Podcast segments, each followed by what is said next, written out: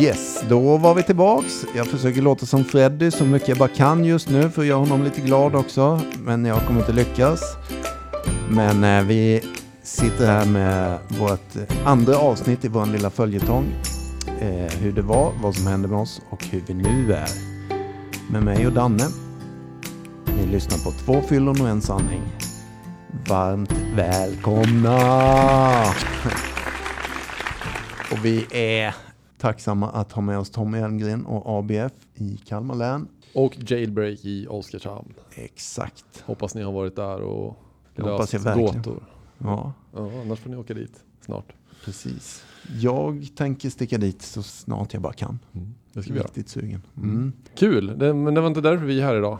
Nej, det är det inte. Nej, vi ska fortsätta prata.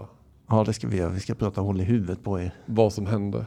Ja. Och du har redan teasat om att det hände så jävla mycket grejer i förra avsnittet ju. Ja, det gjorde jag ja. Det stämmer. Ja.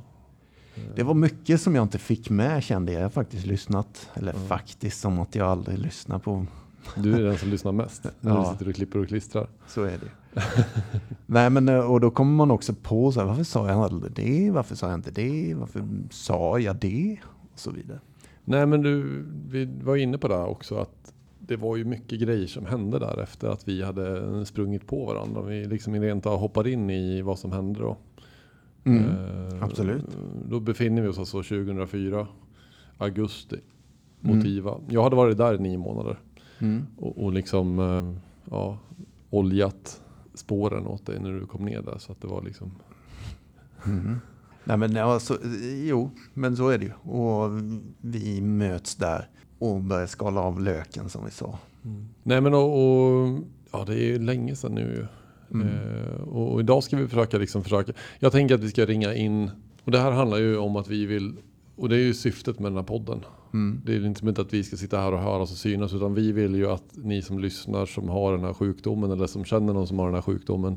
Ska på något sätt få lite inspiration, tips och idéer. För vad, vad fan ska jag göra liksom, i situationen jag befinner mig i? Eller vad ska jag säga? Eller vad, och, och i det här avsnittet ska vi försöka att ringa in de saker som också gjorde, vad var det som gjorde att det funkade för oss. Vi sa ju det förra gången att det var ju rätt unikt att vi som 21 eller 22 år, ja jag var 21 och du var 22, Mm.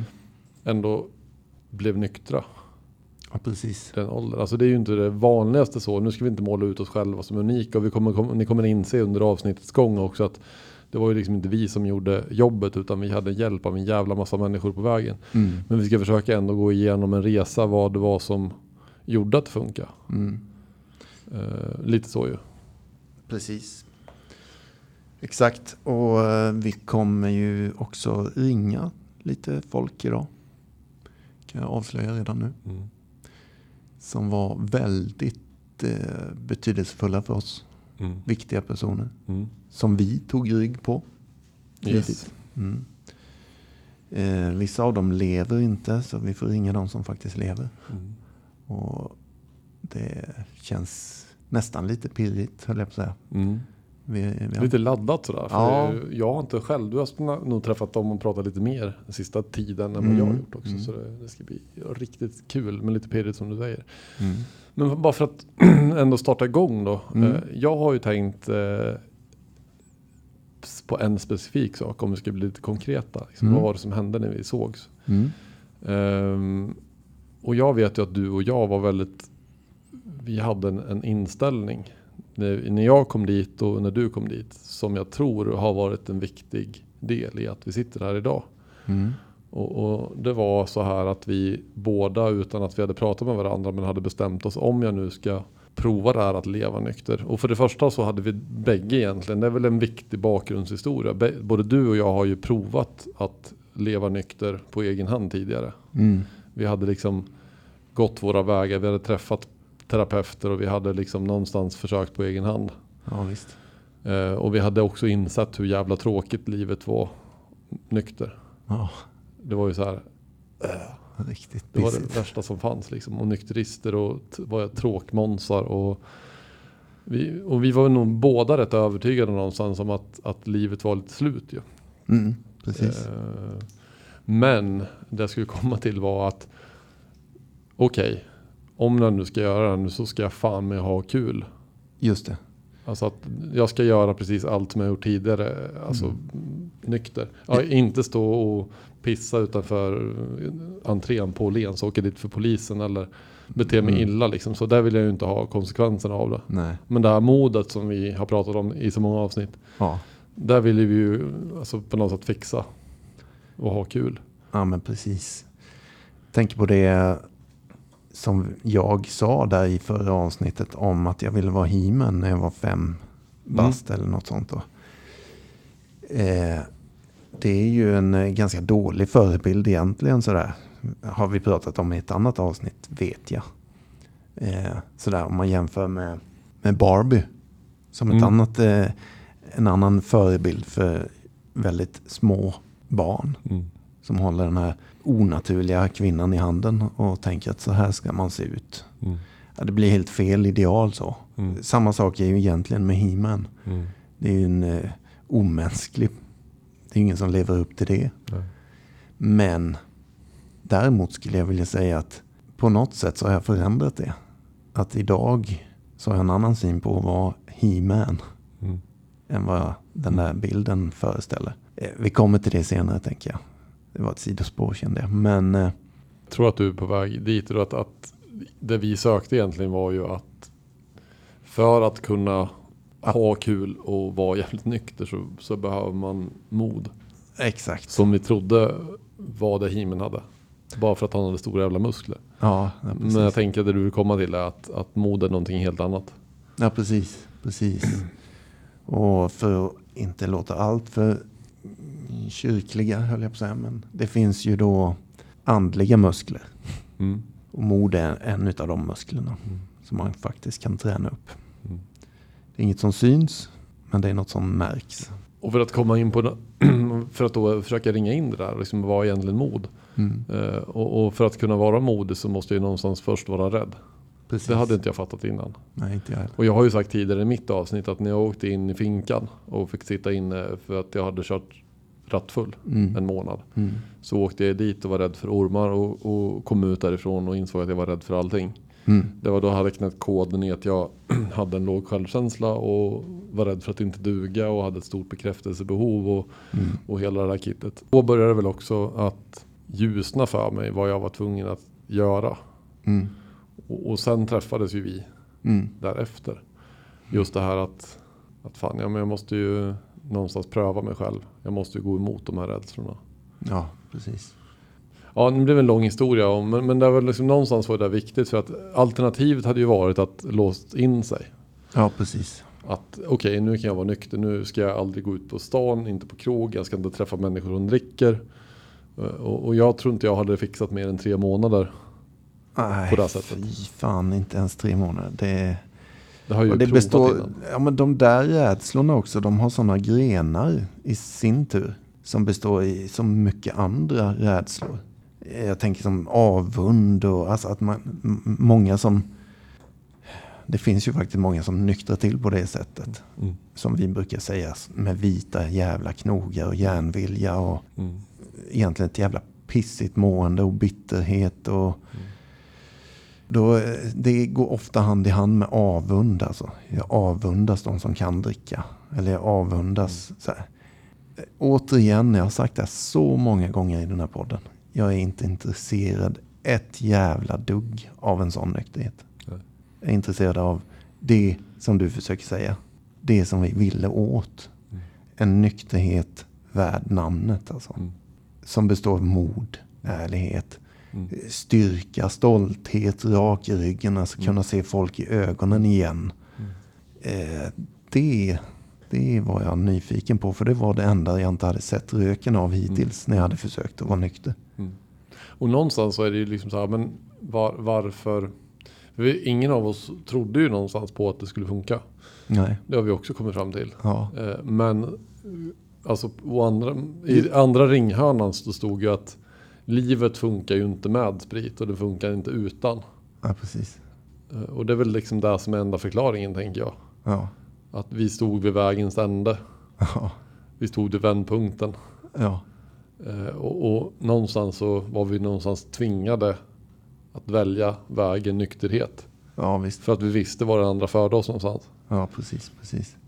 Och, och, och det, det är väl det också som gör att jag faktiskt ordagrant bortskämt kanske kan det låta, eller obstinat, men har det som krav i behandlingen där vi går hos Sonny Mm. bland annat. Att okej, okay, jag fattar läget. Det är detta som gäller.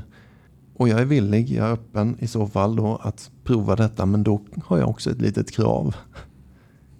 Alltså det hade jag. Mm, mm. Jag sa det rakt ut. I så fall ska jag kunna leva och ha skitkul, gå ut på krogen, Mm. Ragga brudar eller vad fan det nu var som var viktigt när jag var 22.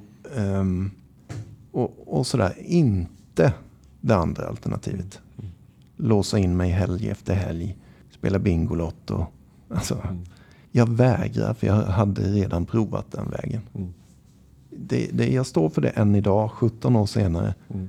Jag super hellre än att leva på det sättet. Mm. Det låter helt drastiskt men jag menar det fan. Nu, och någonstans så tror jag det ändå blir så i slutändan. Mm. Om jag hade valt den vägen, liksom jag, sa, nej, men jag får sluta gå ut, jag får sluta umgås med de som dricker eller Och jag är avis på de som gör det och bla bla Mm. bla. Då hade jag ju blivit full. För jag har, den här vägen hade jag ju provat tidigare, precis som jag sa. Ja. Att jag hade ju varit och träffat några som hette Merkur i Katrineholm som hade förklarat att det var en sjukdom. Och jag hade liksom fattat grejen och ja, men jag är alkis. Mm. Men, eh, ja, men det fixade jag själv. Mm. Och, och jag fixade det i typ tre månader Mm. max. Innan jag stod och lovade mig på- själv på balkongen att jag ska aldrig mer komma på tanken att bli nykter för det var fruktansvärt. Mm. Mm. Eh, Men, men du har ju varit inne lite grann på det. ehm, redan här. Vi, vi på något sätt också, man ska ringa in. Det har vi ju pratat om så jäkla mycket när vi varit ute. eh, Och informerat och sådär. Men, men just det här med. Jag brukar ofta återkomma till de här tre viktiga, det kallas ju också andliga principer. Men det är skitsamma om det här ordet. Men tre viktiga grundegenskaper som kanske också gör att vi fortfarande sitter här Mm. som någonstans vi hade utifrån, eller livet hade fört oss och vi hade dem på något sätt. Mm. Och du var ju inne på det här med öppenhet Ja, precis. som är, som är en viktig faktor. Mycket. Mm. Eh, och det betyder ju någonstans att det är en skillnad att be om hjälp och, och ta emot hjälpen. Det är två helt olika saker. Verkligen. Eh, be om hjälp är ju inte helt enkelt för alla. Eh, och inte i synnerhet för oss missbrukare. Men det hade vi ju någonstans gjort ju. Det hade ju Mm. fört oss till Motiva. Sen är ju del två är ju det här att ta emot hjälpen. Att faktiskt göra där man blir tillsagd. Och, och du brukar ju säga det där ganska bra. Mhm. Nu kommer jag inte ihåg men. Ja men alltså det här att eh, om jag nu ska göra det här. Mm. Så, och vi, någonstans, vi trodde ju inte riktigt på heller att vi skulle bli hjälpta. Vi tänkte Mm. någonstans att ja, men det är en jävla öken kvar. Mm. Men om jag nu ska prova det här Mm. så får jag väl bevisa att skiten inte funkar. Ja, nej, men ja, just det. Lite så. Precis. Eh, alltså, det är ju en liten barnslig del av mig där då. Mm. Då, som du syftar på. Jag, jag var övertygad snarare att det här kommer aldrig funka för mig. Mm. Och vi hade börjat gå på lite möten och sånt där också. I, i det här tillfället. Jag tyckte att varenda jävel där på mötena, tolvstegsmötena, de sitter ju och ljuger liksom. Det fattar väl vem som helst att de inte har varit nyktra i 10 år. Eller 20 år som någon hade varit, eller vad fan. Mm. Det går ju inte, det fattar Jag är ju inte dum i huvudet. Nej. Så att eh, de, eh, de kanske är nyktra någon helg sådär. Sen kommer de ju nyduschade och ätit lite och sådär. Eh, och sitter och ljuger mig rakt upp i ansiktet. Möte efter möte. Så att ja, men det var liksom min fasta övertygelse. Det går inte att vara nykter i så många år. Mm. Eh, vem fan står ut med det? Mm. Men eh, jag bestämde mig att jag ska fan, de sa ju att det funkar om jag gör som de säger liksom, eller tolvstegsprogrammet sådär. Mm. Det är vattentätt sa de till mig. Då tänkte jag det, jag ska bevisa för dem att det inte alls funkar. Att det, jag ska vara helt ärlig. Rak och ärlig. Jag ska göra som det står. Jag ska skaffa en sponsor som det hette. Och jag ska göra det by the book. Så ska de få se att jag kommer bli full i alla fall. Och det var vad jag gjorde då. Jag ska bevisa att tolvstegsprogrammet inte funkar. Så jag gjorde det också då. För att bevisa det så måste jag ju vara ärlig. Mm. Då måste jag göra det by the book. Jag lurade mig själv ganska duktigt där kan jag ju säga då. För att, eh, ja, någonstans runt tredje steget där kanske så började det kännas som att livet börjar le mot mig nu. Mm. Min nykterhet börjar smaka lite gott. Då, det är en annan historia egentligen. Mm. Då blev jag ju skitnödig. Mm. Blev livrädd. Men vad fan är det nu? Ska jag må bra också? Funkar det verkligen? Då kom ju det tvivlet. Bara, fan det kanske är sant. Liksom. För då hade jag kanske haft tre månaders nykterhet. Mm. Det har aldrig någonsin varit i närheten av då. Då började jag tro på de andra som sa att de hade fyra månader då. Att det kanske är möjligt. Och så vidare och så vidare då. Men eh, det var ett sidospår. Men eh, ett bra tips för er som undrar om det här funkar. Gör det by the book får ni se. Mm. Och, och liksom i grund och botten handlar det ju någonstans också tänker jag om att, att eh, vi stod på botten. Alltså vi hade nått botten och när man har nått botten så är man beredd att göra någonting annat. Liksom. Mm.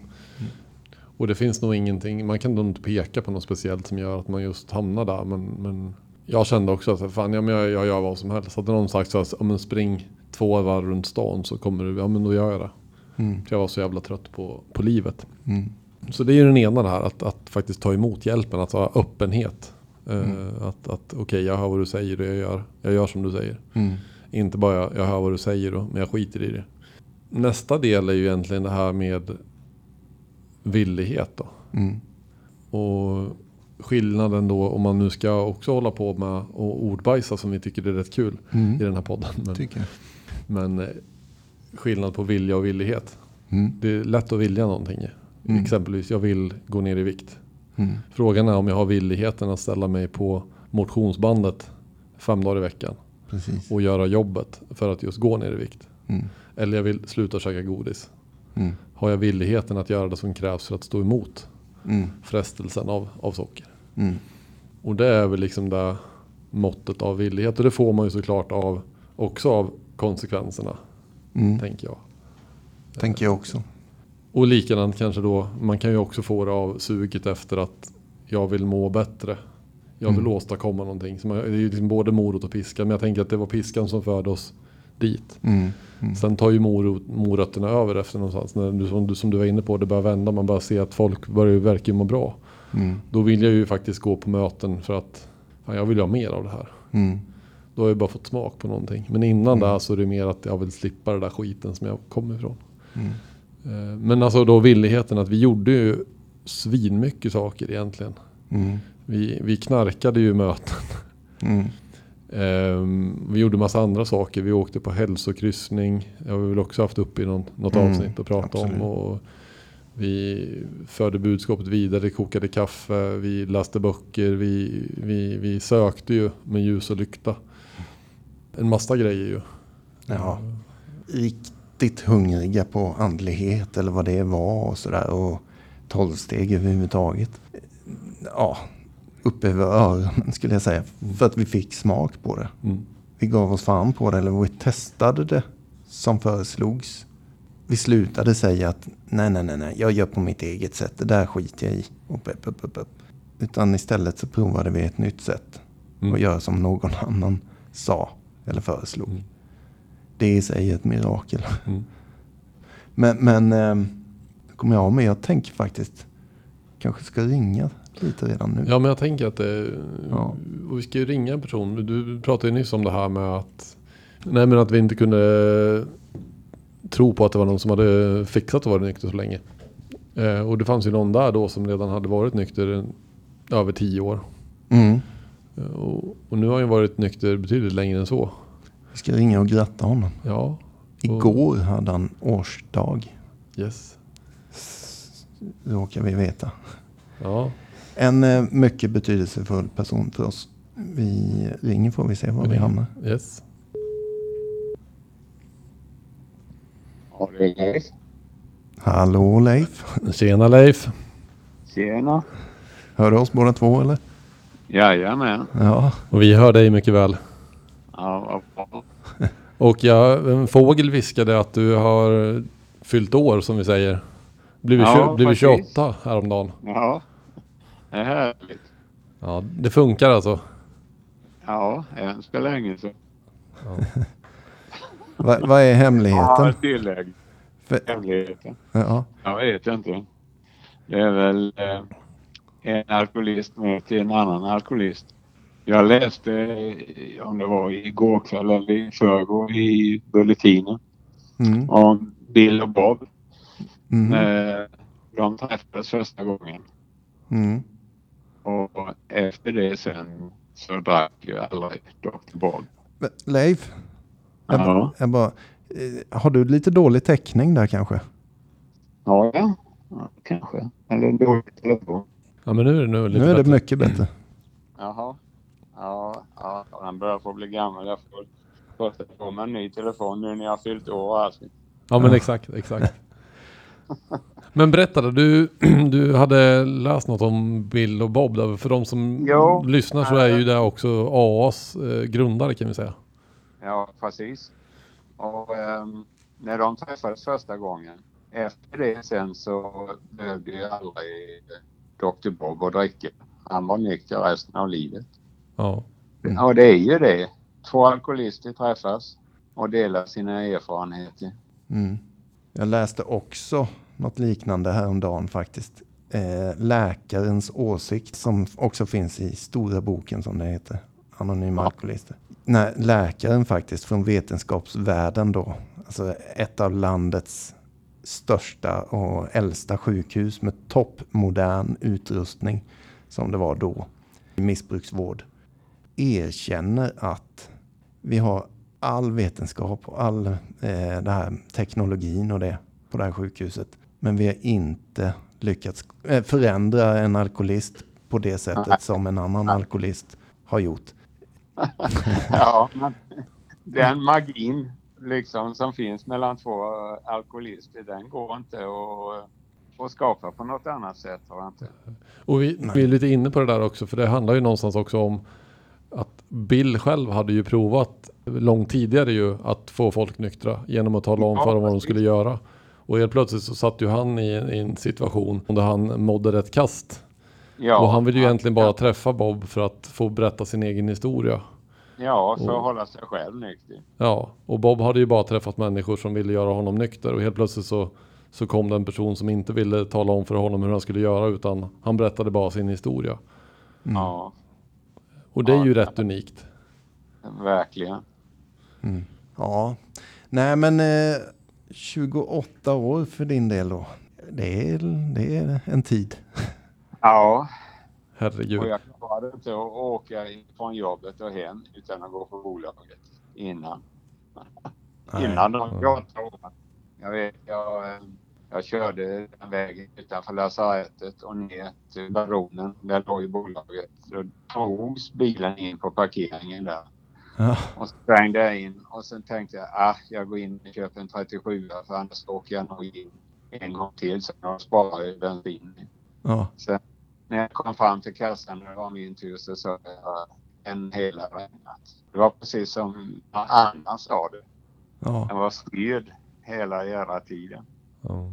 ja precis. Och, och sen någonstans så är det en, en, ett hopplöst fall som nu har lyckats bibehålla nykterhet i 28 år. Det är helt otroligt. Och vi, vi pratade Ja. lite grann om innan vi ringde upp det nu också hur vi båda, jag och Jeppe, och var miss, lite misstänksamma när man stötte på eh, alltså, nyktra alkoholister som berättade om hur lång tid de hade varit nyktra och så att jag tänkte att det kan inte funka.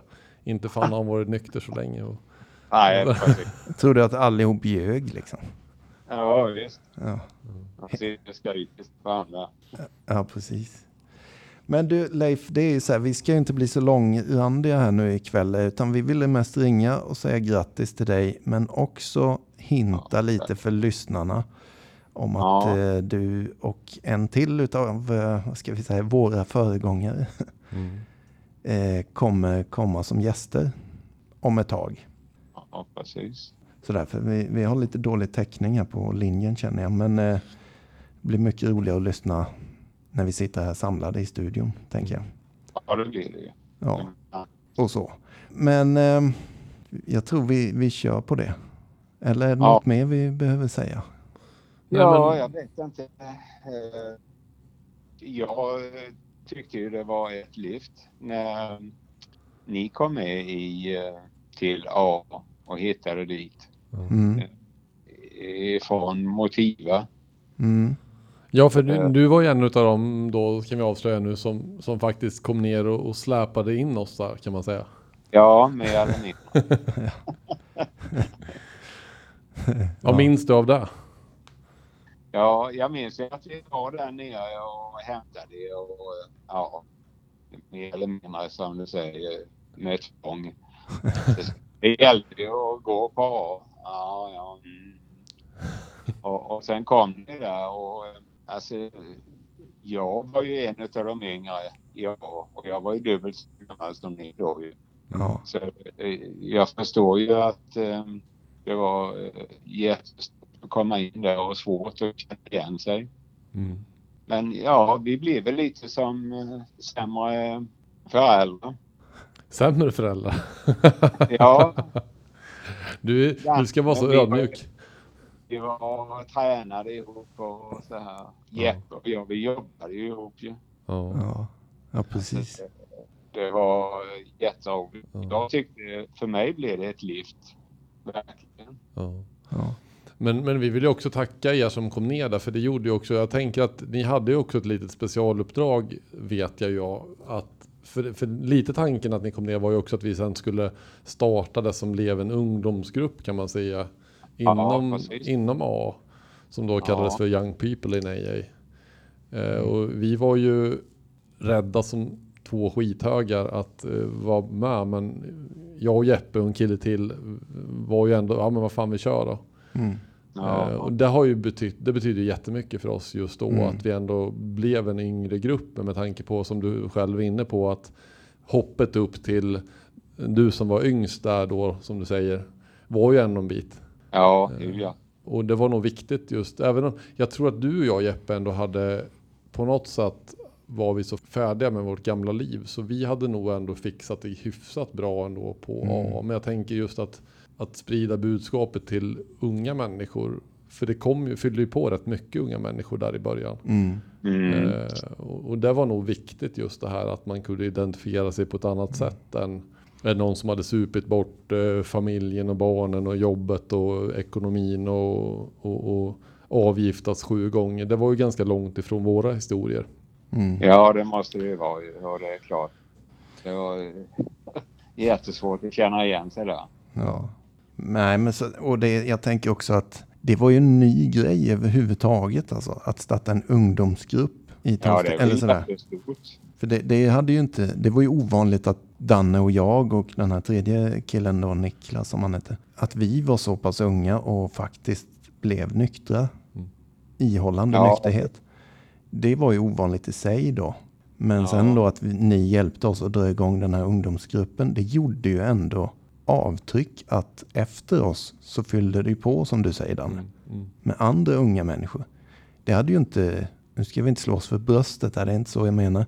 Men det hade ju inte riktigt existerat innan i AA. Att det fyller på Nej. med en massa unga människor. Inte, inte, inte i, i Kalmar i alla fall. Det Nej. fanns ju i Göteborg, Malmö, Stockholm Mm. den typen av grupper så. Men, men det var ju en jätteskön grej som ni hittade på där. Så vi vill ju tacka eh, initiativtagarna till det och, och alla föregångare. För det är som sagt, jag och Jeppe gjorde ju inte jobbet själv. Vi, vi, var, vi var nyfikna och var öppna för det. Men vi hade ju en jäkla må- många människor som vi eh, måste tacka liksom på vägen. Och du är ju framförallt en av dem ju.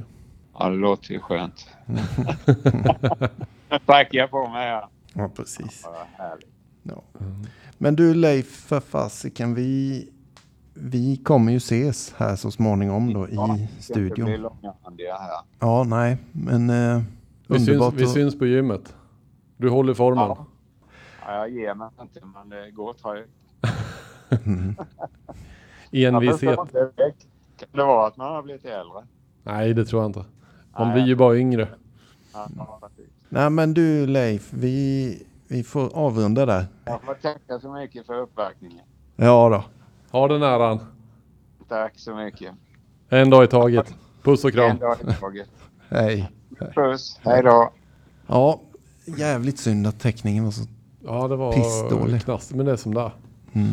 Vi får se vad vi kan göra åt det. Eh, Mm. Jag känner att vi...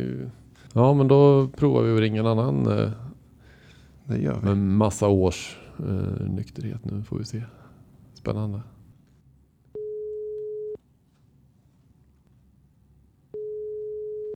Inge. Hallå Inge. Tjena Hej Inge. Jesper. Tjena Inge. Tjena. Hör, hör du mig? Ja, hör du oss? Det är både jag och Danne som ringer. Jag hör dig i alla fall. Hör du mig Inge? Ja, ja, det gör jag. Härligt att höra din röst. Ja, detsamma. Detsamma. Är det bra med er? Jajamensan. strålande. Strålande. Okej. Okej. Här skiner solen. Hur är det med dig då? Ja. Jo, det kan inte vara bättre. Inte idag i alla fall. Nej. Nej, det är bra. Det är kanon. Ja. Ja, men jag har ingenting att klaga på. Vi har faktiskt fått tag i en annan eh, gammal vän som, eh, som heter Leif. Ja, ja jag känner många Leif. Jaha. Men, men, men jag kan tänka mig vem det är när, när du säger det. Ja, Eh, precis. en Leif. Ja, det Nej, men vi, kan jag göra.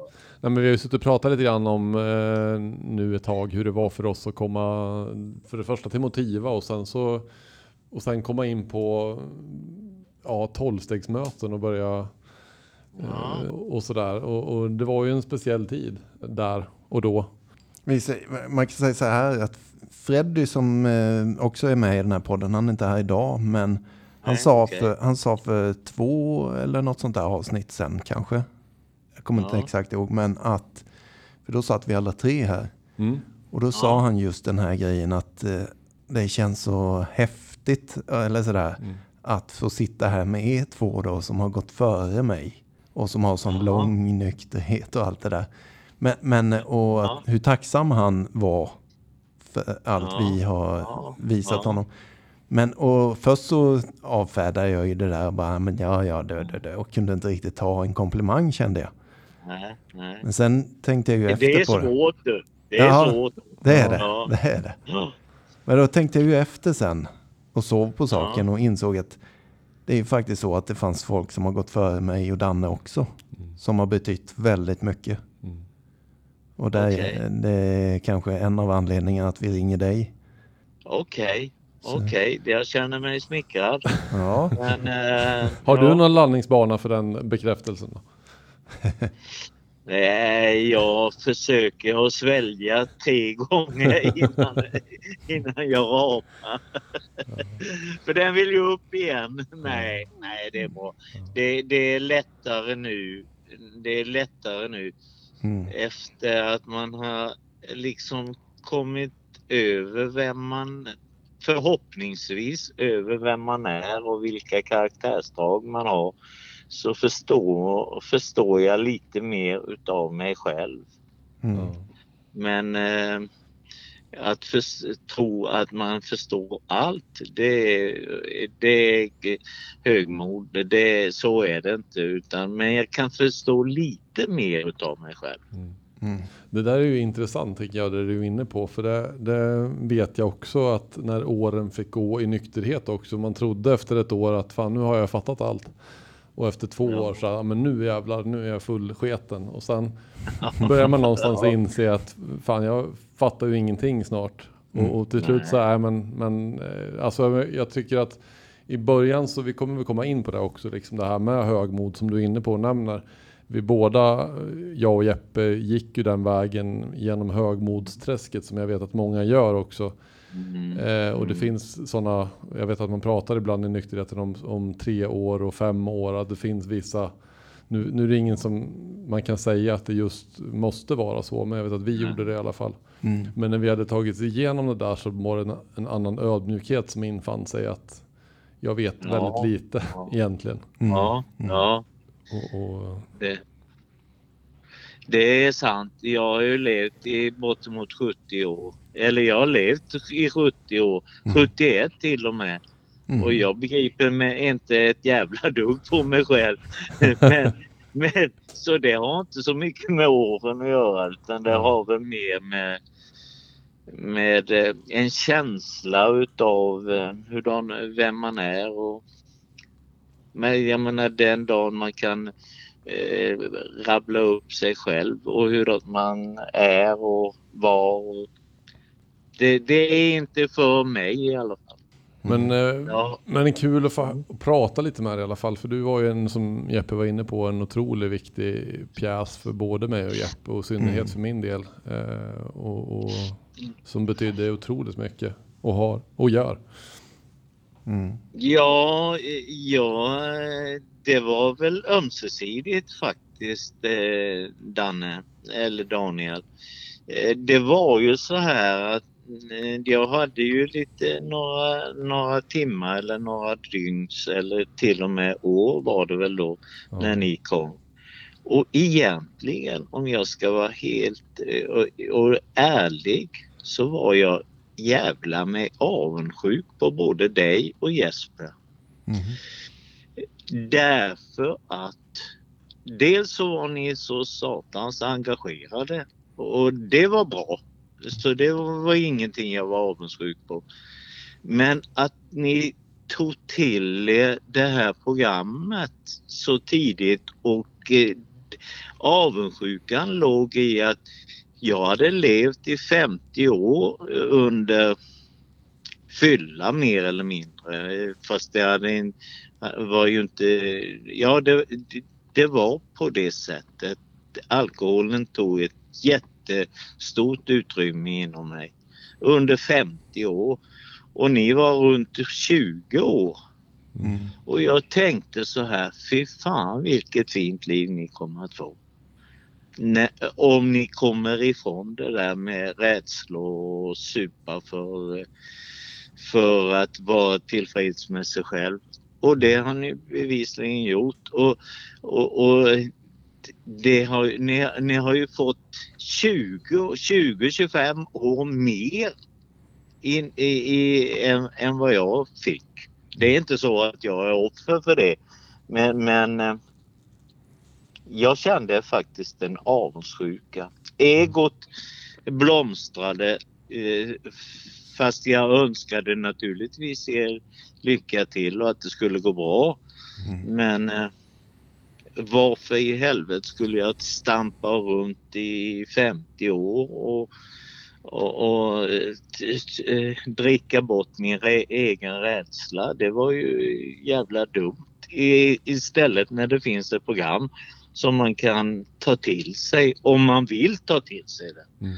Mm. Så, så blir man av med den och då går det jäkligt bra att leva utan brännvin. Mm.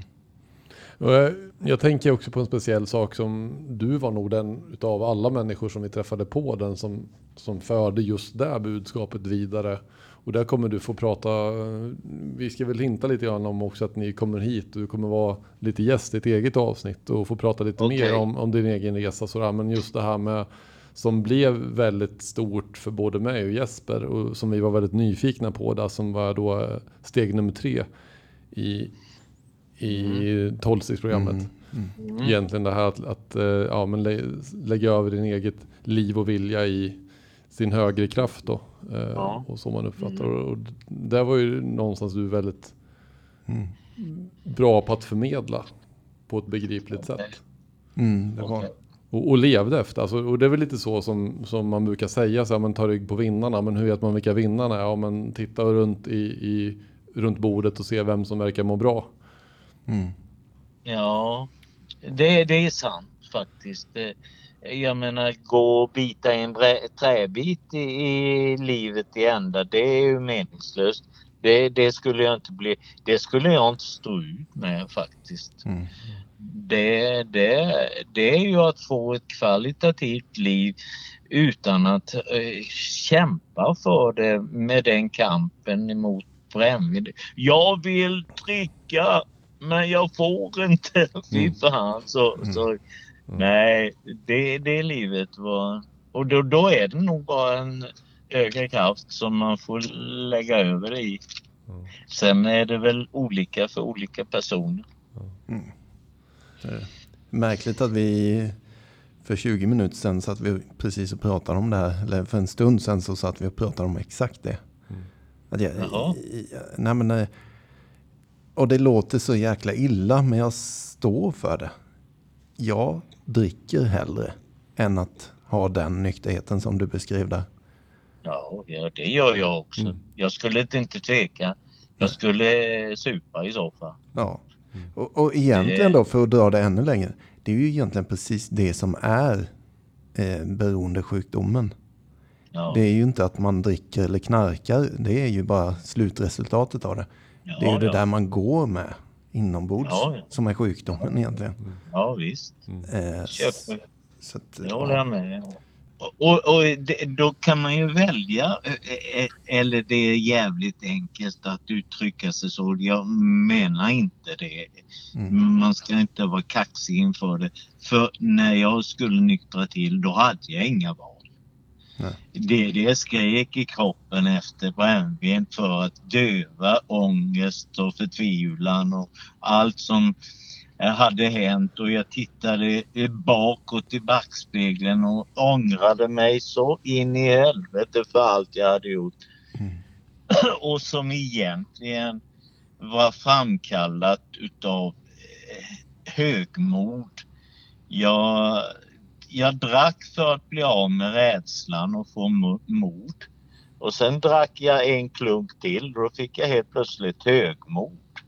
Då blev jag kaxig och stöddig och en jävla typ att överhuvudtaget ha att göra med.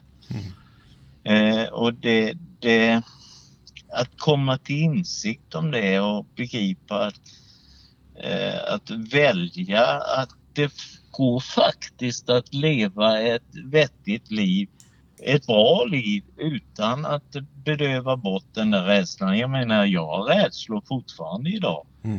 Eh, men jag kan leva med dem. Jag vet, vet eh, hur jag ska hantera dem utan att jag behöver, eh, behöver dricka på dem. Det så är det ju. Och där, och där måste jag haka på, för det var ju ett av de budskapen som jag vet att jag snappade upp av dig just att skillnaden är att idag behöver jag inte vara rädd för att vara rädd. Nej, Och, och det är en så här bra mening tycker jag. Och du s- säger allt. Det är inte så att jag, jag ska lära mig att leva ett liv utan att bli rädd, men att, att vara bekväm att vara rädd, att det får vara okej. ja, Mm. ja. Att nu ska jag göra en obekväm sak som, som kittlar i magen och det känns lite jobbigt men jag behöver inte gå och fylla på. Eller fly Nej, från nej. det. Mm. Du, du vet ju den här konflikträdslan Mm. som satt i, alltid i magen på mig. Jag hade med mycket människor att göra med. Och, och eh, vissa saker var ju nödvändigt att ta i. Eh, och det, det, jag, jag var rädd för konflikter. Och jag var aldrig bekväm i det.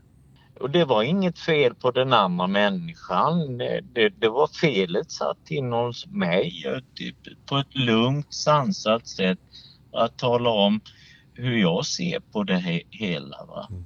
Och det var i, i, i mitt jobb eh, som då var lite annorlunda. Som, men det, det var det, det i sig skapade, eh, gav, gav utrymme att skapa konflikter. Mm. Men eh, det går faktiskt att leva, leva med dem. Mm. Utan att man behöver vara kaxig och ta till knytnävar och på annat sätt hävda sig.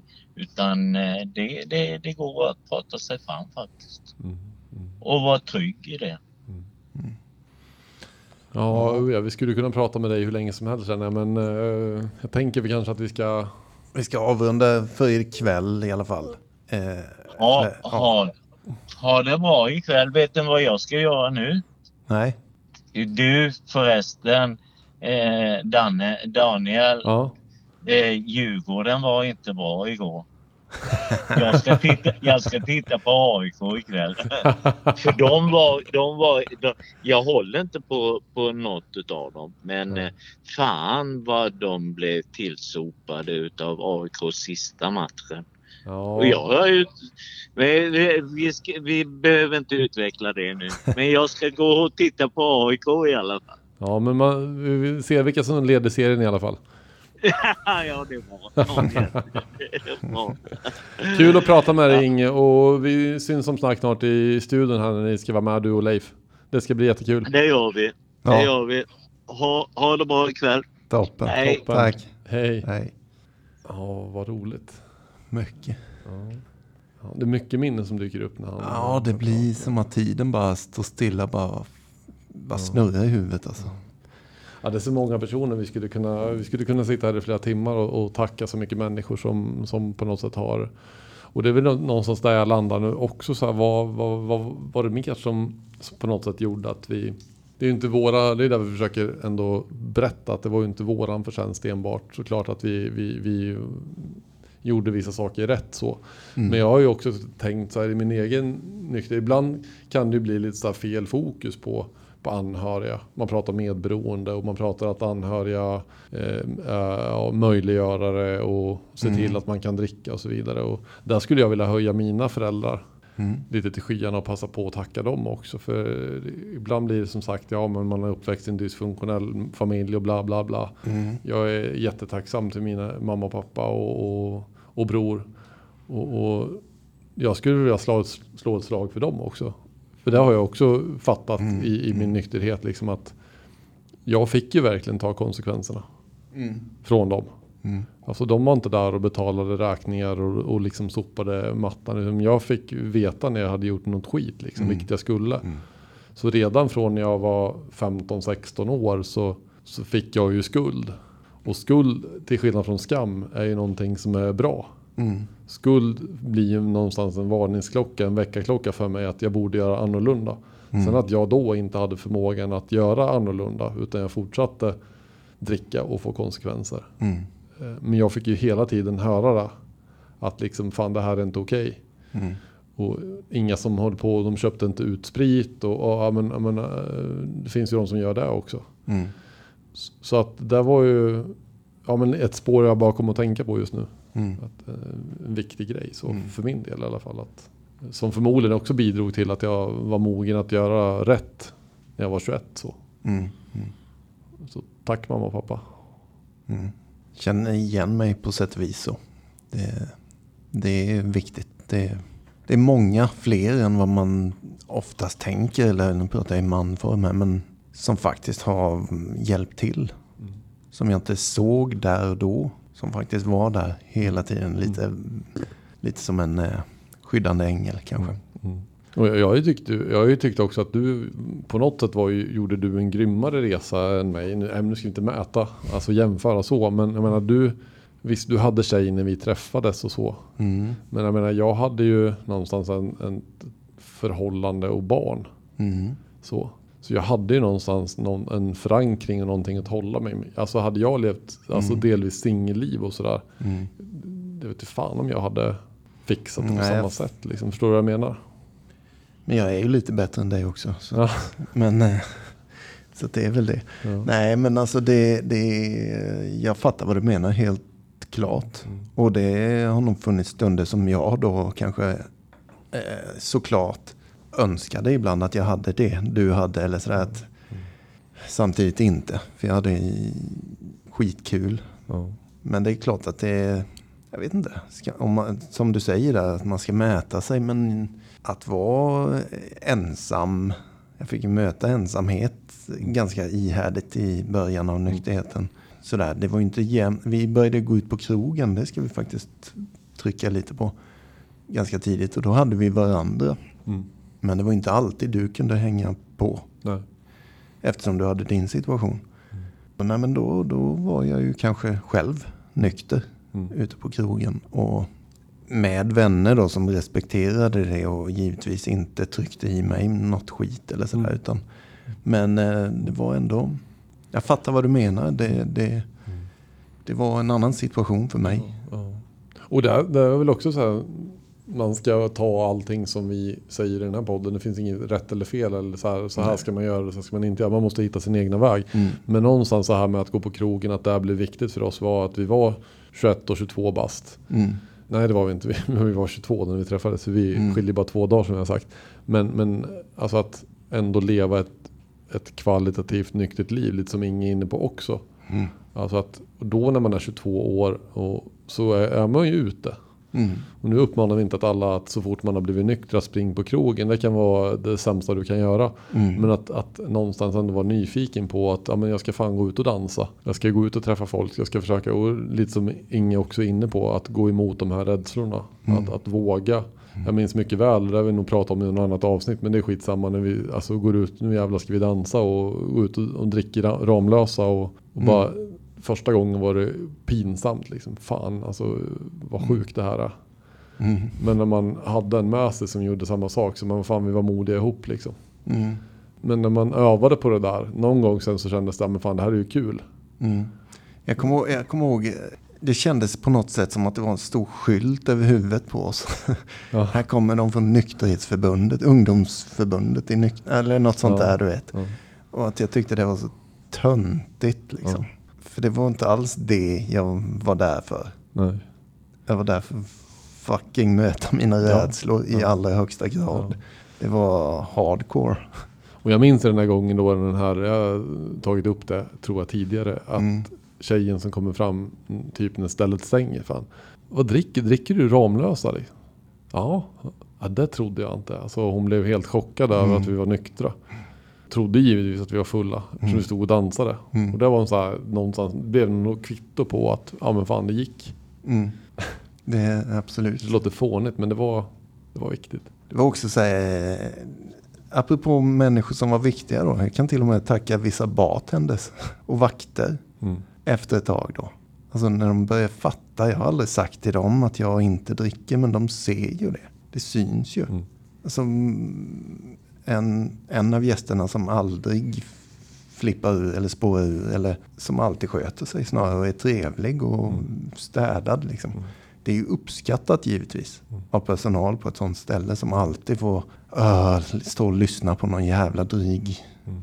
idiot. Mm. Nej men att eh, efter ett tag så var det sällan jag betalade för min läsk eller min kaffe eller min eh, juice eller vad fan det nu var. Mm. De bara nej, nej, nej, nej. Du betalar inte. Mm. Nej, det bjuder vi på. Alltså det är ju en form av, fan vad jag blev smick. Alltså det är ju Mm. kanske skitliten grej för dem att bjussa på en juice. Men för mig var det fan, Mm. fan vad jag uppskattade det alltså. Mm. För jag har aldrig sagt varför eller, utan det är bara, det var en grej i ögonen liksom. Mm. Fan fint det är egentligen när jag tänker på det. Mm. En respekthandling, eller sådär, gest. Du behöver inte betala, du sköter dig jämt. Eller jag vet inte vad det stod för, men ja, fint. Mm. Nu är vi inne i någon form av skede i avsnittet vi kan tacka en del folk. Då måste jag ju passa på att att tacka den personen som kanske har betytt allra mest för min del i alla fall. På grund av att ja, men, alltså, ja, men det är nog tack vare henne som jag bibehöll nykterheten och som jag blev nykter. Och det är mitt ex numera, Mm. eh, Milla, Mm.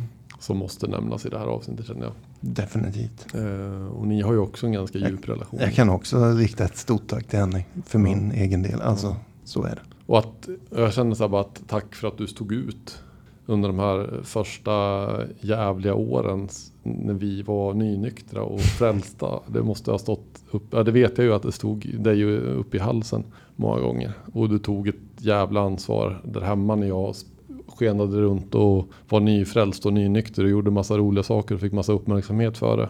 Mm. Och vi hade startat Young People. Vi åkte på konvent och landsmöten och, och var ute och föreläste på skolor och startade studiecirklar. Och vi hade ju till och med sådana tisdagskvälls studiecirklar hemma hos oss. Ja, precis. Fick hon stå ut med. Det var ju Milla med på i och för sig. Jag tyckte det var Ja. trevligt och kul så. Och du var ute på krogen och raggade upp folk till de här. Jävla frälsare liksom. Ja. Nej men nej, absolut. Och det var ganska kul i och för Ja. sig då att sitta på krogen så många gånger jag har gjort det. Och med främmande människor ibland sådär. Oftast med någon man känner liksom. Men så kommer det ju, folk cirkulerar och sätter sig och sådär. Och så bara, det har jag sagt också någon gång att man sitter plötsligt bredvid någon som inte heller dricker. Bara, nej, varför dricker inte du då? Nej, men jag, jag gillar inte, jag säger de som det är då. Jag är troende och jag, jag vill prova ett nyktert liv och jag vill se vad, du vet. Mm. Och då bara, va? En till fast jag har aldrig sett människan. Mm. Så det är ganska många så här och då blir det spännande. Bara, men du, fan vi har de här tisdagskvällarna. Mm. Bara, Kom på våra möten. Nej men alltså det... Och det var ju liksom inga alltså, uppstyrda möten. Det var ju ingen så här halleluja-cirkel. Utan det var bara att vi slängde ihop massa skönt folk som vi träffade på.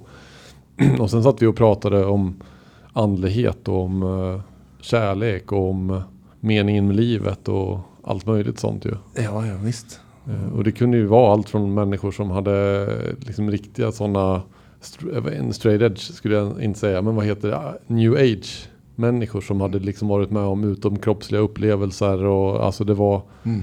Mm. jättespejsat liksom till ja, en del politiska grejer vi gjorde. Alltså det var ju Mm. ganska stor vidd på Mm. allt. Ja, men jag tänker också sådär att från min sida, alltså just det här att fan vad jag var egoistisk också. Tänkte Mm. vi skulle landa lite i det här också. För att Ja, ja, ja visst. det är Absolut. ju ofta sådär med, vi, vi pratar ju ofta om att man som missbrukare har ett stort ego. Jag ska faktiskt ta och nämna någonting som min kusin sa. Det är ju så att jag har en farbror som för några år sedan tyvärr gick bort i den här sjukdomen. Eh, som vi var och begravde då. Men för ännu längre sedan, det var ju hyfsat i början av min egen nykterhet så kom det till med att han hade blivit nykter i, i Värmland och där han levde. Mm. Och jag blev ju skitglad liksom och så här skickade honom stora boken. Så här, nu jävlar ska jag, vad kul att, att, det, att det är så. Sen vet jag att jag ringde henne en tid efteråt och så här. Och, och, ja men tjena och fan jag hörde att han har blivit nykter nu och så jäkla kul. Hon var helt tyst liksom. Jag bara, "Men vad är det liksom? All, allvarligt talat så skiter jag i vilket. Sa hon. Mm. Och bara, Jaha. Nej men alltså när han är full så handlar allting om att han är full. Och nu är han nykter och då handlar allting om honom att han är nykter. Mm. Och det är så jävla typiskt den här beroendesjukdomen att det alltid handlar om, Mm. om alkoholisten. Jämt, jämt. Spotlight på mig, spotlight på mig. Jag är duktig. Eller jag är dålig. Ja. Ja. Se mig, se mig, se mig. Mm. Och det var så jävla spot on. Så det var, vart, jag kommer ihåg det var ett sånt slag i magen Mm. för mig själv. Jag bara, jag kände mig så jävla rutten. Ja. För jag blev så träffad. För just då så levde jag det här livet med att starta studiecirklar och jag var borta hemifrån jämt. Jag hade börjat spela fotboll och alltså allt. Mm. Och, vi, och vi hade ju fått vår andra dotter då. Mm. Alice som precis hade kommit. Och, och högmodet som vi var inne på för en stund sedan bara Mm. växte och växte och växte. Och Mm. man fick bekräftelse och bekräftelse och trodde ju att man var störst, bäst och vackrast och fan, ja men livet bara leker. Mm. Men det fanns ju en som hela tiden stod där i bakgrunden utan att få någon bekräftelse.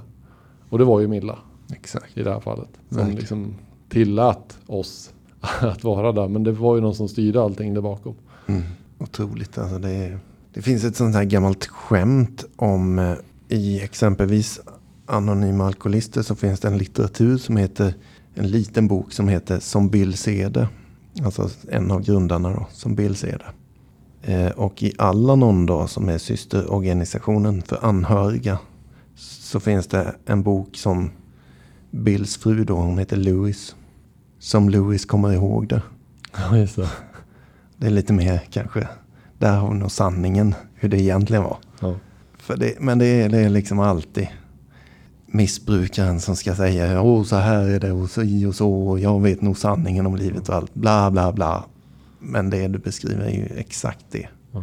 Som Louis minns det. ja, Där har vi nog sanningen snarare. precis. Det är bra. Påminna sig om ibland. Nej men så, tack Milla Verkligen. för Tack. utrymmet du gav mig och Jeppe så Mm. vi fick bibehålla nykterheten. För det var ju viktigt också. Mm. Att vi fick göra de här sakerna förmodligen. Var lite, inte så mycket balans i bara. Kan man väl säga. nej. För sen hände det ju liksom saker. Och innan vi går händelserna förväg dit så tänker jag väl någonstans också slå ett slag för. Vi har ju liksom. För att hålla ihop det här lite grann så har vi ju nämnt det här med att det fanns någon form av tre grundprinciper som vi var inne på. Det här med öppenhet har vi pratat om och vi har pratat om villighet. Det vi inte har nämnt än så länge det är ju kanske den första av allt som, som vi började träna på. Det var ju det här med ärlighet. Mm. Eh, Och ärlighet är ju någonting som, som på något sätt växer in. För jag trodde att jag var ärlig i början fast jag var ju inte ärlig för jag visste inte vad ärlighet var. Nej. För någon sa, men då ska du vara ärlig mot dig själv också. Jaha, va? Mm. Jaha, vad, vad betyder det? Mm. Det ska vi inte fördjupa oss i nu. Men, men jag tänkte komma till det, den delen och det har vi pratat om förut också. Det kanske blir en del upprepning men det får det bli. Men jag menar, jag menar den här kvällen när du och jag sitter i din lägenhet i Funkabo. Mm. Ett x antal år in i, i nykterheten som vi hade. Eh, och, och någonstans har vi, vi bägge vi framme, vi har ju skrivit våra, vi hade ju varsin sponsor. Mm. Eh, och vi hade ju skrivit varsitt fjärde steg. Eh, men vi hade ju inte varit framme och, och börjat med det här med femte steget. än, Som alltså innebär egentligen att erkänna alla mina brister till en annan människa. Mm. Och vi hade ju varit den här listan och det har vi ju snackat om som sagt. Men det var ju också någon sån här jäkla milstolpe att fan jag är ju inte ensam. Nej. Och att ehm, vi tog ju varannan sak. Vi började längst ner på listan där vi sa, men det här är ändå okej, det här kan jag ta upp liksom. Mm. Och sen så växla, växlade vi lite grann där ju. Mm. Ja, just det. Vi tog oss fram genom skammens eh, djungel, så kan man väl kalla det. Ja. Lyfte på sten efter sten. Och jag minns hur jävla tungt det var Mm. i bröstet. För jag någonstans var jag rädd som satan för att vi skulle närma oss det som stod högst upp. Mm. Och det hade jag ju bestämt mig för att ja, men det där kommer ju aldrig komma ut. Nej, Det här kommer han aldrig få veta. nej. Men vi kom ju närmare och närmare. På grund av, skulle jag vilja påminna om då, öppet sinne och villighet och ärlighet. Ja. Det fanns ju med i den här grejen. Liksom. Ja. Det som står högst upp, det var ju samma för mig. Ja. Jag tar med mig det i graven. Ingen jävel ska veta det här. Mm. Idag, så här 17 eller vad det nu kan vara, många år senare så kan jag tycka att det var en skitlöjlig grej. Mm. Så stod högst. Jag kommer ihåg både din och min. Mm. Det var exakt samma sak till och med. Mm. Det är ju ganska fånig grej idag. Mm. Men då var det fan inte fånigt. Nej. Jag skämdes röven av mig. Men, ja vad ska jag säga? Nej men jag tänker att det är, och det är förmodligen det som står på de flesta sån typ av lista. Ja, Så det är nog ganska vanlig. Ja. Absolut.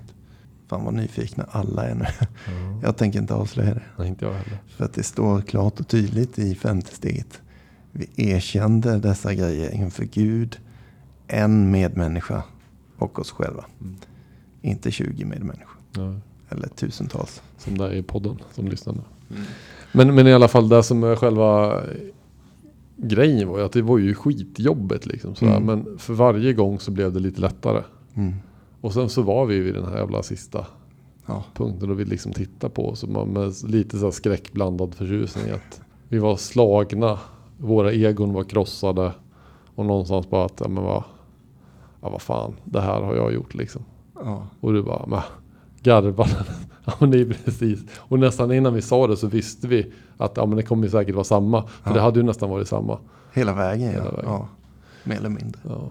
Och just det här begreppet att, att skam inte trivs i ljuset. Mm. För det som var resultatet efter den här kvällen var ju liksom så här, fy fan, nu är jag fri. Mm. Och det var bara så här, Ja, verkligen. Det är. Mm. ja det är jävla minnen alltså. Eh, Men Det vi köttade liksom, eh, som du var inne på. Vi, vi...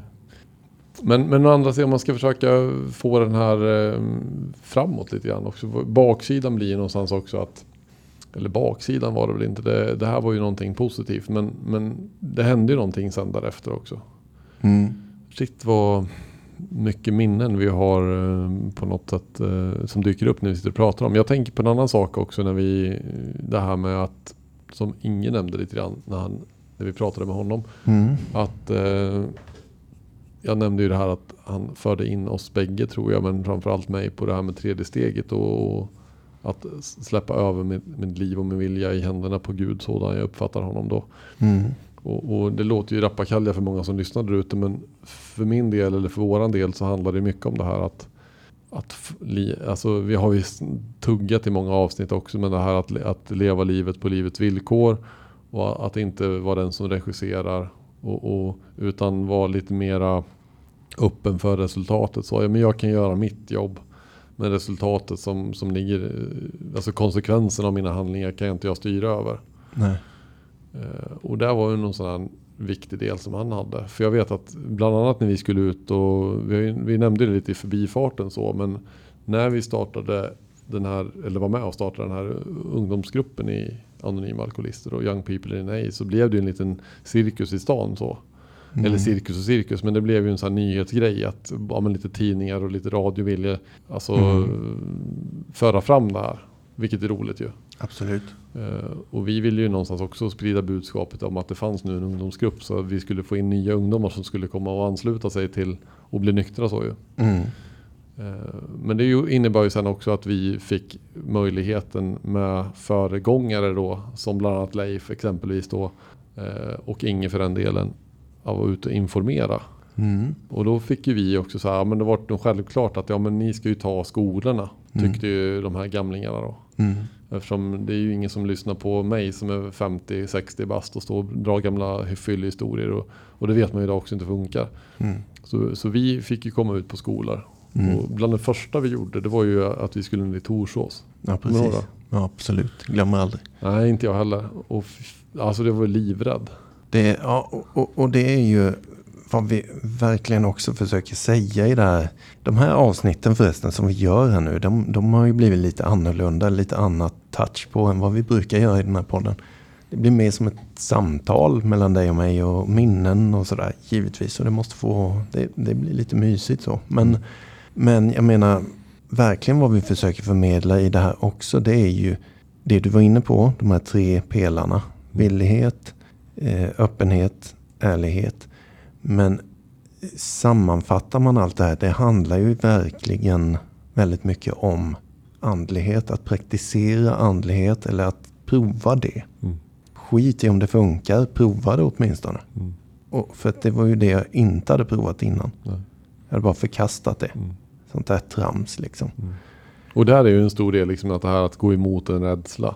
Nykter. Exakt. Att testa liksom så här, men nu är jag livrädd. Och det var vi bägge två. Vi skulle upp på en scen. För Ja. det var ju inte bara en skolklass där utan de hade ju fått för sig att ja, men det var bättre om vi slår ihop alla klasser så sätter vi alla i aulan. Ja. Så kom vi in på en scen, liksom skulle upp där och, och berätta delar av vår livshistoria. Skitnödiga upp över öronen. Men eftersom vi också var inne på det här så var det ju samtidigt spännande, Mm. minns jag. Vi satt kvar i Leifs bil var det va? Ja, Eller? Har jag fel? det kan det ha varit. Ja, men han var med. Ja, i baksätet. Han gick ut och i vanlig ordning skulle sådär. Ja. Han var ju med. Men, eh, och då satt vi kvar och tittade på varandra och var skiträdda. Vad fan ska vi göra nu liksom? Men då, då vet jag att vi påminner varandra om att perfekt, nu testar vi. Mm. Knäppte Och- våra händer gjorde vi. Mm. Det finns en eh, tredjestegsbön och det finns sinnesrobönen och allt möjligt. Vi drog väl igenom de flesta bönerna. Mm. Och, och lämnade över resultatet redan innan vi gick upp på scenen. Ja. Och det var liksom ja, men det som, jag, som Inga hade förmedlat så bra till mig då och till, till dig med. Just det här Mm. att ja, men jag kan bara göra det jag, det jag, jag kan, alltså det jag har kontroll över. Mm, Det är att berätta min historia. mm, Vad folk kommer tycka, det har jag inte en blekaste aning om. Och det kan jag absolut inte kontrollera. exakt. Så där behöver jag inte lägga mitt fokus. Men det var ju alltid så jag hade gjort innan i hela mitt liv. Så Mm. ville jag åt bekräftelse. Jag ville att jag skulle vara stjärnan, jag skulle få applåder Mm, och sådär. Men jag, så, så fort jag fokuserar på det mm, så kommer jag ju tappa det jag borde fokusera på, alltså vad jag ska säga. mm, Så, så det var väl där det hjälpte till. Men sen vet jag också en annan sak som vi fick tips om. mm. Alltså vad var ärlig på scenen. Så jag vet bland det första vi sa. Ja, Kommer du ihåg det? jag tror jag vet vad du syftar efter. Ja. Jag gör det nästan än idag om jag står på Ja. en scen. Ja. Jag brukar alltid börja med att säga nu är jag jättenervös. Ja. Bara erkänna det. Ja. Jag är rädd just nu. Och där var så här, ah, då var det borta. Det är väldigt skönt. Ja. Jättebra tricks ju. Mm, verkligen. Och det gäller ju alla Ja. möjliga rädslor. Ja. Bara få erkänna det. Just nu är jag rädd. Och jag vet att det gick skitfort tror jag för bägge oss och sen så var det där borta. Mm. Och sen gjorde vi, var ju första gången vi var ute. Mm. Och det gick ju, det gick ju bra. Alltså på så. Alltså vad man nu ska bedöma där. Men vi, vi fick ju applåder och vi fick ju det där. Och det var ju så här. Fan vi är ju rätt grymma. ja, och egorna växte. jajamän. Tuppkammen stod. Nej men absolut. Och det kan man väl öva på. Och klippa ner den där tuppkammen. Alltså ju mer man övar på det. Mm. Antar jag. Men det viktiga där och då. Det var ju att komma förbi rädslan. Mm. Vilket vi lyckades med. Mm. Sen eh, kan man få leva med att högmodet sköt upp lite då. Mm. Nej men alltså det var ju liksom så vi försökte börja leva våra liv. Liksom, ja, men vad, ja, resultatet kan inte styra över. Jag vet att du hade någon sån här cool tågresa liksom, som alla var stressade och förbannade som man sitter Jag tror jag pratade om också det här i en avsnitt. Men, och, Mm. och du bara sitter kvar. Jag trotsade. Ja, jag bara- trotsade Gud skulle jag nog vilja säga också. Ja, Alltså riktigt så. Jag ska jäklar nu ska jag sätta han på prov. Ja. Eller den eller det. mm. Eh, och jag skulle till Örebro. Tågbyten och allt möjligt. Och något tåg var ju försenat. Och det var typ så här runt jul. Och det, alla vill ju hem då och sådär. Mm. Hets, paket, eh, dålig stämning, Ja, svettigt och varmt Ja. och alla var skitirriterade. Jag satt bara och läste min litteratur och det var samtal med Gud och det var daglig reflektion. Allt möjligt liksom. Pumpad med andlighet och, eller andlig information kanske. Så jag tänkte det bara att eh, jag kommer hamna där jag ska hamna ikväll. Jag skiter i om tåget, eh, om jag missar nästa tåg då för det var försenat. Det jag satt på var försenat. Och alla bara skitdåligt humör skulle ut först och ni vet hur det är. Armbåga sig fram och allt. Och bara sprang till nästa tåg. Jag bara, jag trotsar det här. Jag ska sitta här nu i lugn och ro. Tänker inte bli stressad. Så började jag bara gå mot det där tåget jag skulle med. Då. Ja, jag har redan sagt det här kände jag. Men eh, Mm. kommer in på tåget. Det är lugnt. Alla andra de rusar skitförbannade. Jag går bara, bara njuter liksom.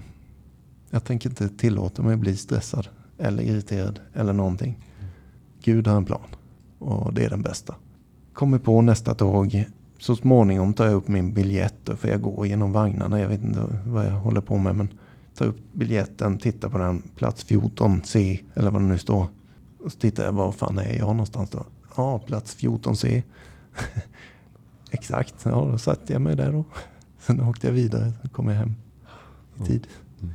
Märklig grej. Men eh, roligt. Mm. Och jag tänker så här också, anledningen till att, att vi kunde vara i det, det var ju det här att vi gjorde alltså de här fotarbetet. Alltså. Mm. Vi gick på möten, vi, vi bad böner och vi, alltså, vi var uppe på morgnarna tidigt och tog beslut på att vad som än händer idag så ska jag inte dricka. Mm. Alltså alla de här sakerna som vi fick till oss väldigt tidigt Mm. fick det ju att funka. Liksom. Det var ju inte bara så att, att de gjorde det automatiskt utan vi, jobb, vi jobbade väldigt, var väldigt medvetna och hade ett fokus på Mm. att, att vara i det här. Det är ju ett sätt att tänka Mm. egentligen. Vi an, försökte anamma det där programmet och gick och fyllde på kraft på möten och sådär. Sen, sen efter det här så, där vi ska komma in på nu, det skedde ju någon form av, av successiv förändring i det där. Mm. Eh, om vi ska gå in på det som vi kan kalla för högmod. Mm. Eh, att vissa saker började jag ta för givet. Att jag hade hittat lösningen och medicinen eller ska man säga, receptet på hur jag skulle leva mitt liv. Mm. Och, och lärt mig nu konsten att, att eh, gå emot rädslor och jag hade, ja men fan jag har ju koll på allt. Mm. Och, och tyckte att jag var omtyckt överallt. Det gick bra i studiecirkeln och jag hade fått barn och jag hade börjat spela fotboll och ja men du vet, man var på något sätt i ropet. Mm. Och successivt där för min del och jag vet att det var så för din del också så började jag sluta kanske gå upp sådär tidigt på morgonen. Jag Mm. slutade vara medveten om att ta det här beslutet. Mm. Jag slutade att läsa dagliga reflektioner. Fan tre möten i veckan, det är jävligt mycket. Nu är det ju roligare att sitta i studiecirkeln och prata samtal med Gud än att gå på ett A-möte. Mm. Så att det räcker väl att gå på ett i veckan. Mm. Samtidigt som jag, när jag gick på det där mötet i veckan så tyckte jag fan vad gråa delningarna folk sitter med. Och fan det här gamla programmet, jag alltid, sitter ju alltid och tuggar den här skiten. Mm. Åh, ska de komma idag också på möten? Alltså jag började mer och mer distansera mig från de som gick på möten. Istället för att sitta och lyssna och känna igen mig på mötena Mm. så började jag ju lösa folks problem. Ja, de borde ju bara göra sådär. Alltså det fattar ju vem som är. Alltså sådär. Och, och detta, detta sker ju parallellt. Samtidigt gör jag samma sak. Mm. Fast vi pratar inte med varandra om det fenomenet. Nej, för vi sitter ju och bara drar snygga delningar. Mm. Och får bekräftelse. Ja visst, säger rätt saker. Mm. Ja. Nej men, och, och, nej, men vi går ju inte ens på möten ihop kanske. Utan vi, vi går ju om varandra också. Och märker inte alls att jag sitter och kokar på möten. Du sitter och kokar på möten och retar sig på den ena efter den andra som inte fattar hur man ska göra och så vidare och så vidare. För vi är så jäkla andliga nu. Och, Alltså, det här sker ju faktiskt utan vår vetskap om varandra. Och vi har ju på något sätt också kanske inte, vi, vi slutar väl, alltså vi umgås ju inte lika mycket. Nej. Vi liksom lever lite olika liv. Mm. Du sticker ju också under någon period här till Norge Exakt. och är borta under ganska lång tid och vi hörs alltså någon gång på telefonen och sådär ju. Mm. Men, men eh, det är ju ja, skrämmande hur, li, hur parallella våra liv har varit under hela resan egentligen. Mm. Följt ett mönster liksom. Som, Ja. ja. verkligen. Det är också så här då. Tack Danne helt enkelt. Tack till dig för att du har funnits. Och alla de här andra människorna som faktiskt har funnits. För att vi har varit, vi har varit uppe på toppar och vi har varit nere i dalar. Liksom. Alltså, vi har ju mått olika under den här resans gång, givetvis. Vi har inte alltid varit på topp. Nej. Ja, nej men det, det stämmer. Jag flyttade till Oslo mitt uppe i allt det där ju. Mm. Och det var ganska plötsligt beslut. Jag tror det skedde på två veckor eller något sånt. Så hade jag bara bestämt mig. Nu sticker jag. Jag lämnar Kalmar. Jag är trött på det. Eh, Freddys brorsa, eh, storebror var en av dem, David. Han och jag och en till kille, vi bara stack. Eh, skittrötta på Mm. Kalmar. Och, och så gjorde vi med. Och det finns en så här eh, psykologisk grej faktiskt som jag lärde mig och upplevde rent ut sagt. Att när du bor utomlands, nu är det här i Norge, det är ju jättenära, det är alltså typ Sverige. Mm. Men det spelar ingen roll. Bor du i ett annat land så uppstår, kan det uppstå ett psykiskt, psykologiskt fenomen då. Mm. Som är en, efter en, och- en och en halv månad ungefär. En superstark hemlängtan. Mm. Och då är jag alltså mitt uppe i det här svajiga måendet och jag tycker att alla Mm. borde skärpa sig och ingen fattar någonting om andlig, alltså det är ett Mm. högmodet. Ja, för det var ju inte så att du ringde mig då och berättade att du mådde skit. Eller det kanske du gjorde vid något tillfälle. Men, men, men vi... Och parallellt så hade jag ju mina grejer. Men när jag gick på möten, de få möten jag gick på. Så Mm. var det mest att berätta det vanliga liksom. Så, ja, men jag är tacksam. Och bla bla bla. Mm. Alltså, ja, jag är så tacksam och jag är så nykter och, Ja. och det här och, och, och sådär. Men jag pratade inte om att jag hade varit irriterad som fan på morgonen. Nej, precis. Eller dragit en vit lögn här och en Mm. Stor lögn där. Ja, men du vet. Så parallellt så började vi liksom vara oärliga mot oss själva. Vi sa inte det vi behövde på mötena och vi gick mindre på möten. Mm. Och vi pratade inte så mycket med varandra. Vi började bli avskilda från varandra. Precis. Som sig bör när man eh, låter egot ta över. Egot gillar inte att blanda in andra människor Mm. i sitt mående. Nej, men och, och det är det som sker. Jag sitter ju och lipar där ibland om kvällarna i en trappuppgång som fanns där, där vi bodde. Skrev så brev hem till min sponsor, något brev till dig och så här, och jag saknar det. Men jävligt jobbig period. Så vid något tillfälle vet jag att jag, nej, jag, bara, jag pallar inte det här. Jag sticker hem och då fixade jag skjuts av en som bodde i Älmhult. Det är ganska långt ifrån Kalmar men det var ändå Sverige. Bara, jag åker med dig i natt Mm. liksom. Mm. Jag skulle åka på natten. Bara ringer dig, bara helt plötsligt. Kan du hämta mig i Älmhult? Jag pallar inte typ. Skitjobbigt så. Men och där, du direkt. Självklart.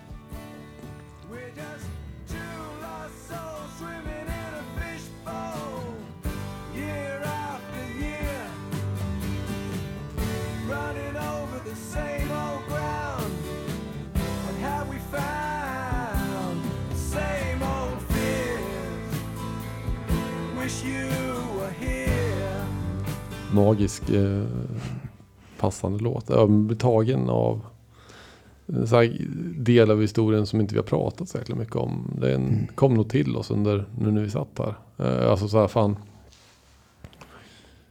Och det var ju så sjukt för att jag, vi hade ju parallellt hela tiden.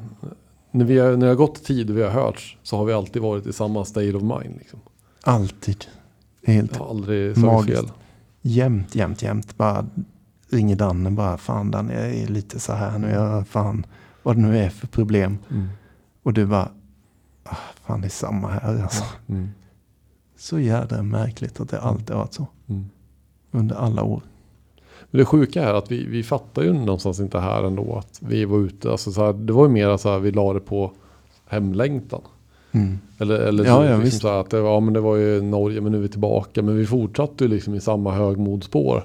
Mm. Även när du hade flyttat hem. Och vi, jag tror inte vi umgicks jättemycket heller. Alltså vi var lite så separerade, kanske träffades lite oftare. Mm. Eh, för när du sen, jag vet inte hur lång tid det går. Från att du flyttade hem från Oslo till du är på Hultsfred 2009. Mm. Eh, och återfallet som du har beskrivit ganska väl i tidigare avsnitt. Mm. Då har ju inte vi heller hörts på skitlänge. Och då bor du ju ändå i stan så. Ja, precis. Ja, men det, är, det är verkligen så den här problematiken funkar kan man väl lugnt påstå. Mm. Alltså plocka bort de här vännerna liksom. Eller se till, de kan du inte ha kontakt med nu. Det är som en liten jävel på ena axeln och en ängel på andra. Alltså Mm. Dan är ju livsfarlig att ha kontakt med. Eh, min sponsor ska du definitivt inte ringa när du mår dåligt. Så sitter ju jäveln och viskar hela tiden. Och liksom, jag tror att parallellt också så slut, alltså så här, jag gjorde ju inte färdigt stegarbetet då. Nej. Alltså så här, det var också så här, höra av sig till då, ingen som i mitt fall som vi pratade med tidigare ikväll. Mm. Nej men det kan jag göra, alltså, ja, men det är skitbra. Alltså att, eh, och sen var ju livet fullt med annat liksom för mig. Alltså jag gick ju, pluggade, jag hade hoppat igång på en praktik. Jag hade, alltså så livet snurrade ju på. Som fast. Jag hade alltså gått bra, bra för mig på första jobbet. Nyutbildad. Eh, Alltså Alice var liten. Alltså det mesta runt omkring mig gick bra. Liksom. Så jag hade ju inte någon tid att se mig i spegeln. Och liksom fan, ja men det är ju rätt kämpigt ibland också. Mm. Eh, Och, och vi sågs mindre och mindre och mindre. Tills jag får det här samtalet från dig. När du sitter i bilen mellan Norrköping och Västervik liksom och är full som en kastrull. Ja, visst. Och bara... Då var det som en jävla väckarklocka för min del. Jag blev ju skitledsen liksom. Ja, det är sjukt alltså. Och Milla undrar ju vem fan som hade dött. Eh, För hon hörde ju liksom i telefonen att jag låg ju inne och grät i sängen. Liksom det, eh, men det var bara, fan, vad händer? Och det var som att, jag, jag tänker så här. Du kanske inte bara grät för att, att det hade hänt mig. Utan jag tror att du faktiskt grät också för att Jag var livrädd själv. vi, ja, vi drog ut pluggen liksom. Ja. Fan, gåshud. Och någonstans där som var alla varningsflaggor som hade gått förbi oss under kanske flera år. Mm. Som vi hade bara skitit i, blundat för. Liksom var något sånt jävla faktum att. Och jag var ju så här överrumplad. Men det här kan ju inte hända. Mm. Vi, vi kan ju inte bli fulla liksom. Nej. Det fanns ju inte på kartan. Och så var det det. Och, och jag vet att jag direkt så här kände fan alltså det där hade lika gärna kunnat varit jag.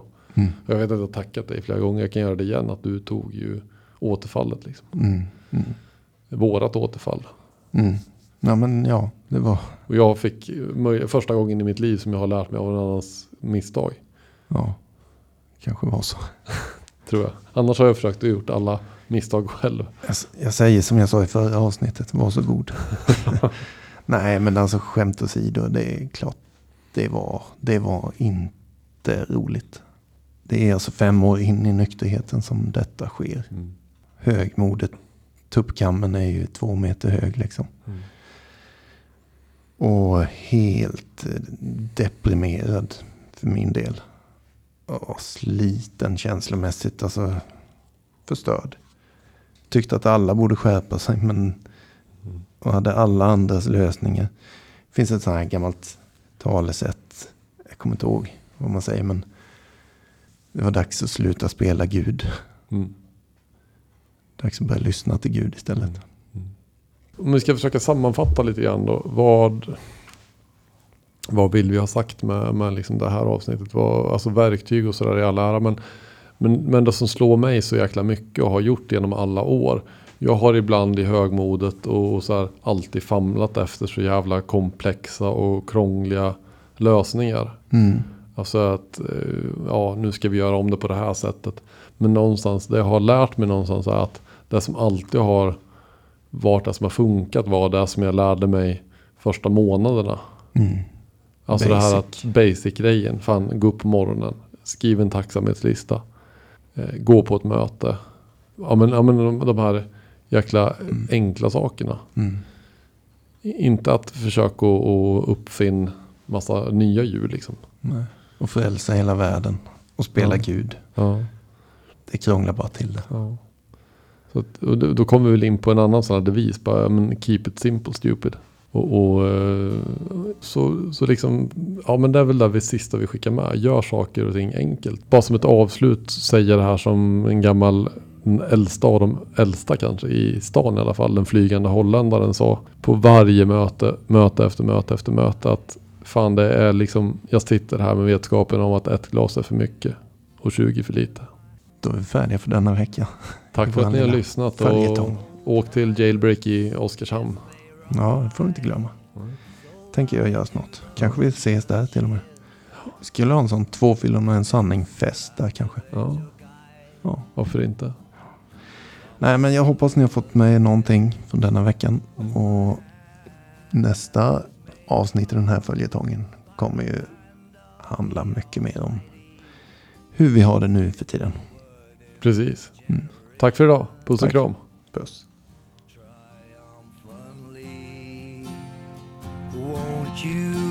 To sing these songs of freedom? Cause all I ever had,